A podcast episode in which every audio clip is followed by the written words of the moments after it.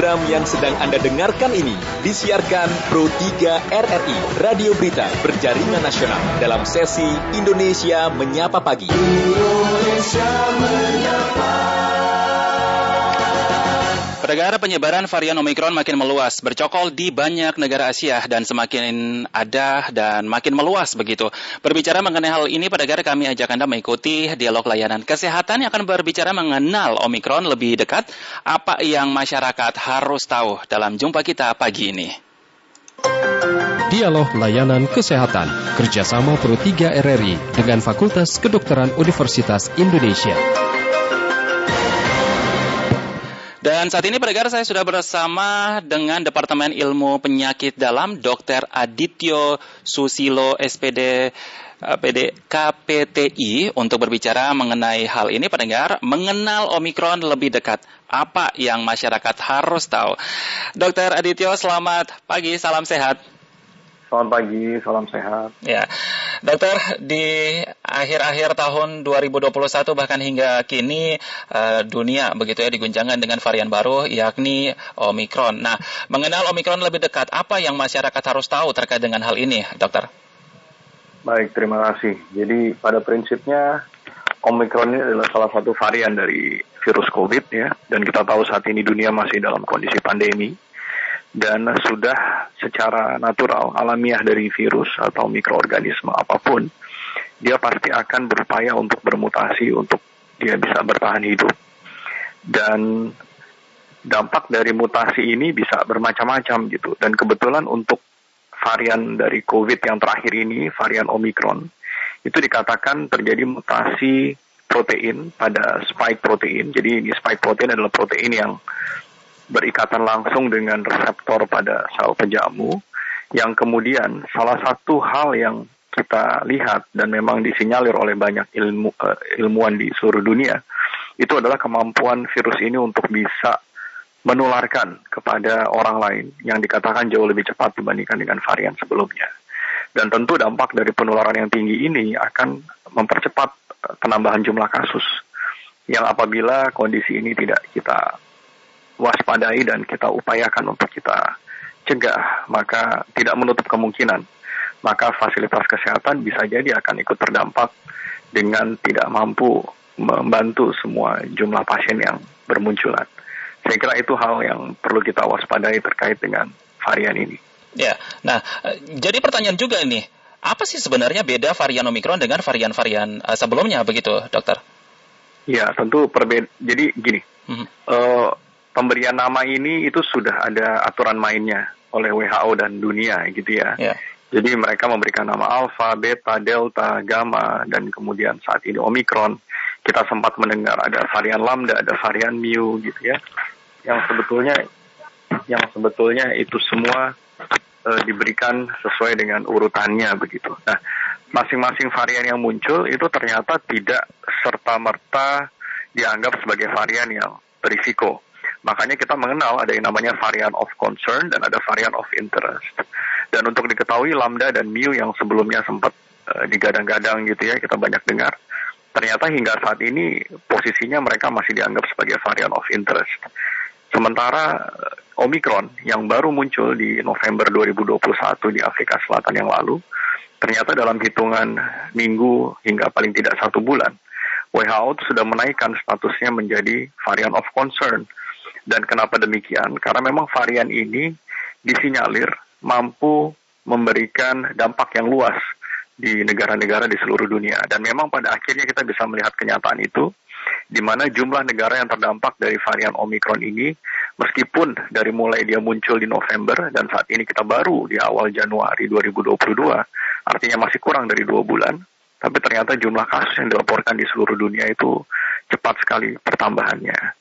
Dan kita juga melihat di negara-negara maju seperti Eropa, Amerika, jumlah harian kasus mereka luar biasa. Hmm. Bahkan di Amerika itu mereka membukukan lebih dari 400 ribu kasus sehari dan saya kira ini patut menjadi perhatian kita gitu. Saya kira demikian. Ya, nah eh, sejauh ini kan pemerintah juga menggalakkan yang namanya eh, vaksinasi begitu, bahkan serbuan vaksinasi digalakan hampir seluruh lapisan masyarakat, bahkan dari usia 6 hingga 11 tahun dan uh, lansia begitu. Nah, uh, sejauh mana Omikron mempengaruhi kinerja vaksin itu sendiri, dokter? Baik, ini pertanyaan yang bagus sekali dan memang kita masih harus terus pelajari.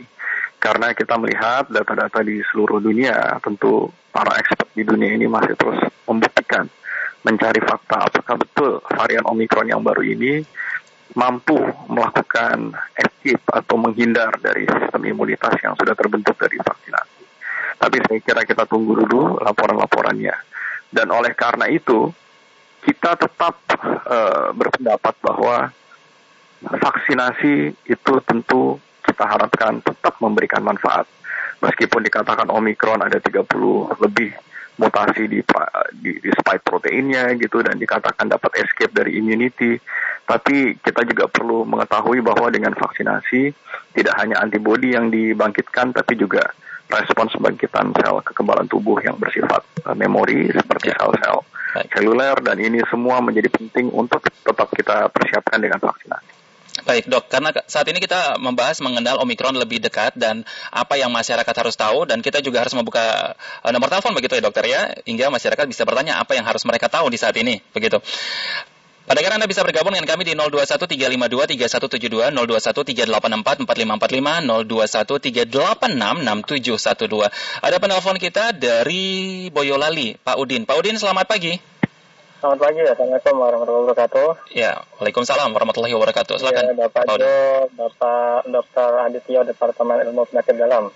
Uh, ya. ada varian of concern dan varian of interest. Nah, varian of concern itu kan uh, di di diklasifikasikan uh, varian yang paling uh, lebih ganas daripada of interest gitu ya. Karena itu ya, uh, ya uh, Uh, uh, kalau varian yang pertama nih Pak, yang pertama muncul di Indonesia di Maret uh, 2020 itu ya, itu termasuk uh, varian of concern atau atau interest. Bahkan itu kan penyebarannya sangat cepat dan itu belum ada namanya, belum ada nama Delta atau Omicron gitu. Demikian terima kasih. Assalamualaikum warahmatullahi wabarakatuh. Waalaikumsalam warahmatullahi wabarakatuh. Pak Udin di Boyolali. Uh, dokter, menanggapi Baik. apa yang ditanyakan tadi? Baik, terima kasih Bapak untuk pertanyaannya. Jadi pada prinsipnya penentuan penentuan dari nama dan klasifikasi varian of concern dan varian of interest ini memang ditetapkan oleh WHO dan para expert dari seluruh dunia. Dan memang kita juga tahu bahwa uh, virus yang pertama kali terdeteksi di Wuhan itu dikenal sebagai virus uh, wild type-nya. Jadi wild type atau yang pertama kali dideteksi di Wuhan itu adalah yang yang menjadi cikal bakal dari varian-varian yang lain sebagai turunan dari varian itu. Dan memang pada saat kita berbicara awal pandemi, kita berhadapan dengan banyak ketidaktahuan karena memang ini adalah penyakit yang sangat-sangat baru ya. dan kami pribadi tenaga medis juga uh, bisa merasakan kebingungan yang luar biasa pada saat itu karena kita tidak tahu apa yang kita hadapi dan apa yang harus kita kerjakan dan seiring waktu ilmu berkembang cepat sekali, informasi itu berlari sekali dan kita memang harus terus mengejar uh, semua fakta-fakta yang ada di lapangan dan kemudian baru kita bisa mengenal definisi-definisi ini di uh, bulan-bulan berikutnya.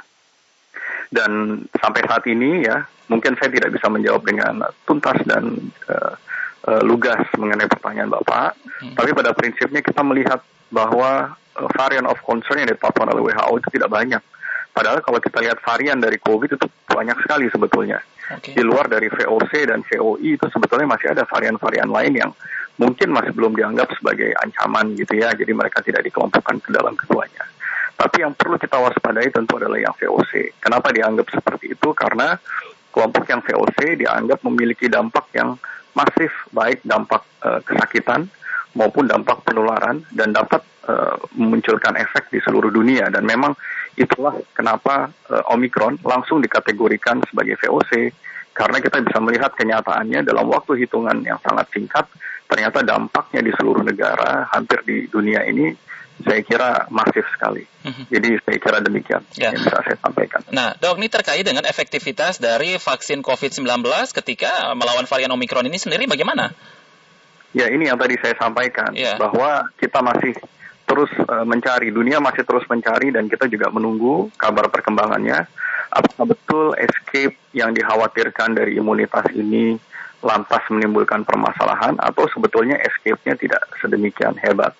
Oleh karena kita masih terus mencari, maka hingga saat ini kita semua masih terus mendengungkan tentunya vaksinasi dan saya meyakini upaya-upaya untuk mendevelop vaksin-vaksin baru yang disesuaikan dengan varian-varian yang ada, saya kira ini juga terus dikembangkan. Karena sama seperti influenza, kalau diketahui, influenza itu setiap tahun kan strainnya berubah.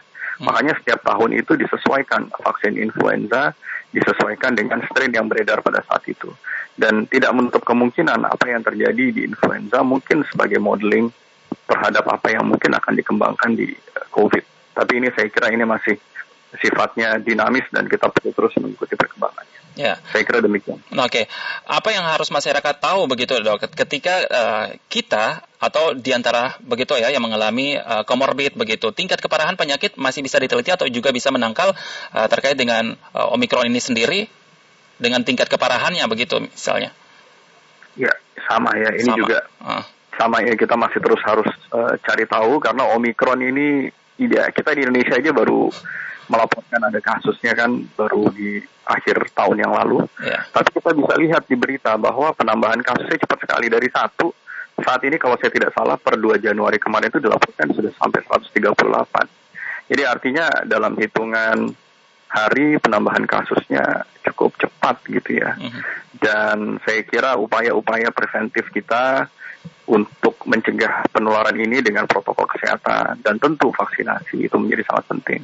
Dan untuk diketahui bahwa awal dari masuknya virus ini adalah eh, dari Kementerian Kesehatan mengatakan tentu dari luar negeri, dari pelancong yang datang dari luar negeri. Jadi oleh karena itu kita juga harus bisa menahan diri nih kalau misalnya memungkinkan ya tentu kita tahan dulu keinginan kita untuk bepergian ke tempat-tempat yang berisiko. Baik. Saya kira demikian. Ya, dokter ada penelpon kita Pak Nur Hadi di Bekasi. Pak Nur Hadi, selamat pagi. Terima kasih, selamat pagi Mas. Selamat ya. pagi uh, Bapak narasumber. Uh, Pak mau menanyakan, terima kasih Pak. Mau menanyakan sedikit uh, hubungannya uh, dinamis yang apa namanya uh, uh, vaksin yang, uh, sorry, uh, varian-varian ya atau strain yang baru tadi antara entah itu karena varian uh, imported atau jangan-jangan juga amit-amit uh, lokal varian begitu hubungannya dengan uh, target apa namanya herd immunity yang 70% lokal kita begitu Pak. Apakah selama itu belum tercapai uh, CQ uh, dosis 1, dosis 2 maupun amit-amit dosis 3 yang masih booster artinya saling berkerjaan nggak bisa dari uh, penerima pertama uh, yang divaksin sampai nanti penerima ke 270 juta urutan yang terakhir itu kan nggak pernah bisa ketemu bareng ya Pak dalam satu waktu yang bersamaan. Artinya 70 persennya itu uh, baik di Pulau Jawa maupun di daerah 3T begitu. Nah ini itu semua apakah kalau itu tidak tercapai kemudian si dinamis yang saya tanyakan di awal tadi uh, strain uh, apa entah itu lokal maupun uh, imported begitu itu nggak pernah akan tercapai sehingga mohon maaf uh, pandeminya panjang dan tidak ke endemi begitu. Itu uh, logika uh, apa namanya medisnya bisa disampaikan Pak buat uh, kami-kami yang di akar rumput ini. Itu saja. Terima kasih banyak. Selamat pagi semua. Selamat pagi. Terima kasih Pak Nur Hadi. Dokter. Baik, terima kasih Pak Nur Hadi atas pertanyaannya. Ini baik sekali. Jadi ya betul ya. Artinya gini, uh, kita juga mesti mengetahui bahwa antibodi yang terbentuk pasca vaksinasi yang komplit ataupun pasca seseorang terinfeksi dari COVID ini sifatnya transien sementara. Jadi dikatakan dalam waktu periode 6 bulan itu antibodi yang terbentuk sudah akan turun gitu. Dan oleh karena itu ide inilah yang kemudian digunakan oleh banyak ilmuwan di dunia untuk uh, menganjurkan booster vaksinasi setelah 6 bulan. Jadi memang betul kalau kita mendengar penjelasan Bapak tadi ya memang jadi jatuhnya kejar-kejaran gitu. Artinya Eh, kita berharap herd immunity tercapai, vaksinasi complete dose ditambah dengan orang yang terinfeksi secara natural itu semua akan membangun imunitas yang saya kira saat ini nih di Jakarta lah setidaknya herd immunity saat ini menurut saya sudah tercapai karena kasusnya turun dengan sedemikian drastis. Tapi memang kita perlu menunggu periode dalam waktu kurun waktu enam bulan ke depan. Apakah memang nanti setelah antibodi itu turun, dan kemudian varian yang baru ini muncul akan terjadi peningkatan kasus kembali. Tentu harapan kita tidak, tapi manakala ini terjadi, ya. kita sudah punya contoh di luar negeri karena kayak misalnya di Inggris itu hmm. cakupan vaksin mereka sudah tinggi, okay. tapi akhirnya mereka dengan hantaman varian yang baru ditambah mungkin imunitas yang menurun, hmm. akhirnya jumlah kasusnya pun meningkat kembali. Jadi saya kira dinamika ini memang nampaknya masih harus terus kita hadapi Pak Nur Hadi dan apakah nanti memang pandemi bisa berubah jadi endemi atau yang lain-lain ya saya belum bisa menjawab pertanyaan ini ya saya kira kita lihat perkembangannya nanti. Ya. Mungkin ada, demikian. Siap. Ada penelpon kita Pak Wibi dari Makassar. Pak Wibi, selamat siang. Selamat siang. Ya, silakan Pak Wibi. Uh, begini Pak Nasumber, yang saya mau tanyakan adalah apakah kalau orang sakit rematik sakit tulang itu bisa divaksin Pak? Oke. Okay. Saya ini saya ini sakit tulang ini karena terlalu capek bekerja sehingga kalau malam sudah sakit semua badan. Apa bisa divaksin kalau begitu Pak? Terima Baik, kasih. terima kasih Pak Wibi. Nah ini berbicara mengenai vaksin, pastinya juga ada persyaratan-persyaratan tertentu atau screening begitu ya dokter ya? Iya. Oke, okay, silakan dokter. Baik, terima kasih Pak Wibi ya atas pertanyaannya. Jadi uh mhm. -huh. penyakit rematik itu luas sekali. Sebetulnya kita mesti lihat ini rematik yang mana kalau dia rematiknya adalah rematik osteoartritis gitu ya, artinya karena proses uh, degeneratif dan yang lain-lain ya itu tidak ada tidak ada kontraindikasi. Hmm. Tapi kalau rematiknya mungkin berhubungan dengan kondisi autoimun misalnya pada rheumatoid arthritis dan yang lain-lain ya barangkali ini perlu mendapatkan perhatian. Jadi yang yang yang perlu ditekankan dalam pertanyaan Bapak adalah kira-kira rematiknya ini tergolong tergolong kelompok yang mana. Dan untuk itu ya tentu Bapak sebaiknya berkonsultasi ke tenaga medis supaya nanti bisa dikategorikan ini rematik termasuk yang mana. Kalau ternyata dia termasuk osteoartritis misalnya, tentu tidak ada kontraindikasi untuk divaksinasi. Namun kalau ternyata rematiknya tergolong ke arah autoimun, ya barangkali autoimunnya harus diakses terlebih dahulu, dipersiapkan dan kemudian tetap dapat divaksinasi dengan uh, vaksinasi yang terpilih untuk hmm. kondisi-kondisi autoimun. Saya kira demikian. Jadi memang harus diperjelas dulu status rematiknya. Ya, dari 2020 kurang lebih kita ada dalam kondisi pandemi begitu ya dengan uh, eh, COVID-19 di bulan Maret kalau tidak salah masuk di bulan di Indonesia begitu. Jadi pertanyaan, kenapa mutasi virus ada dan kapan bisa berakhir semuanya ini begitu, Dokter? Ya jelas tadi saya sampaikan bahwa mutasi ini pasti akan selalu terjadi. Ini mm -hmm. ini natural naturalnya mikroorganisme okay. supaya mereka bisa bertahan hidup. Karena bisa dibayangkan ya virus bakteri dan yang lain-lain itu mereka harus juga punya mekanisme survival sebagai okay. sama makhluk hidup. Dan oleh karena itu mutasi memang sesuatu hal yang tidak bisa dihindari. Mhm. -huh. Dan mutasi itu akan lebih mudah terjadi manakala dia sedang tinggi jumlah kasusnya yang beredar di populasi. Jadi, pada saat kita berhadapan dengan kondisi peak cases yang ada di populasi, maka pada saat itulah risiko mutasi itu akan bermunculan. Tapi pada saat jumlah penularan atau kasusnya rendah, ya tentu mutasinya juga seharusnya rendah. Jadi upaya kita sebagai masyarakat yang mau nggak mau tidak bisa menghindari pandemi ini, ya. tentu kewajiban kita adalah berusaha menjaga diri kita dan keluarga kita, tentunya paling tidak inner circle kita, untuk terus melakukan protokol kesehatan dengan baik supaya tidak ada yang terdampak dan upayakan untuk melakukan vaksinasi juga tentunya sebagai rantai utuh dari tindakan pencegahan ini. Hmm. dengan harapan manakala kita bisa mencegah rantai penularan dari uh, penyakit ini atau penyakit infeksi maka mutasi dengan sendirinya pun juga akan tertekan.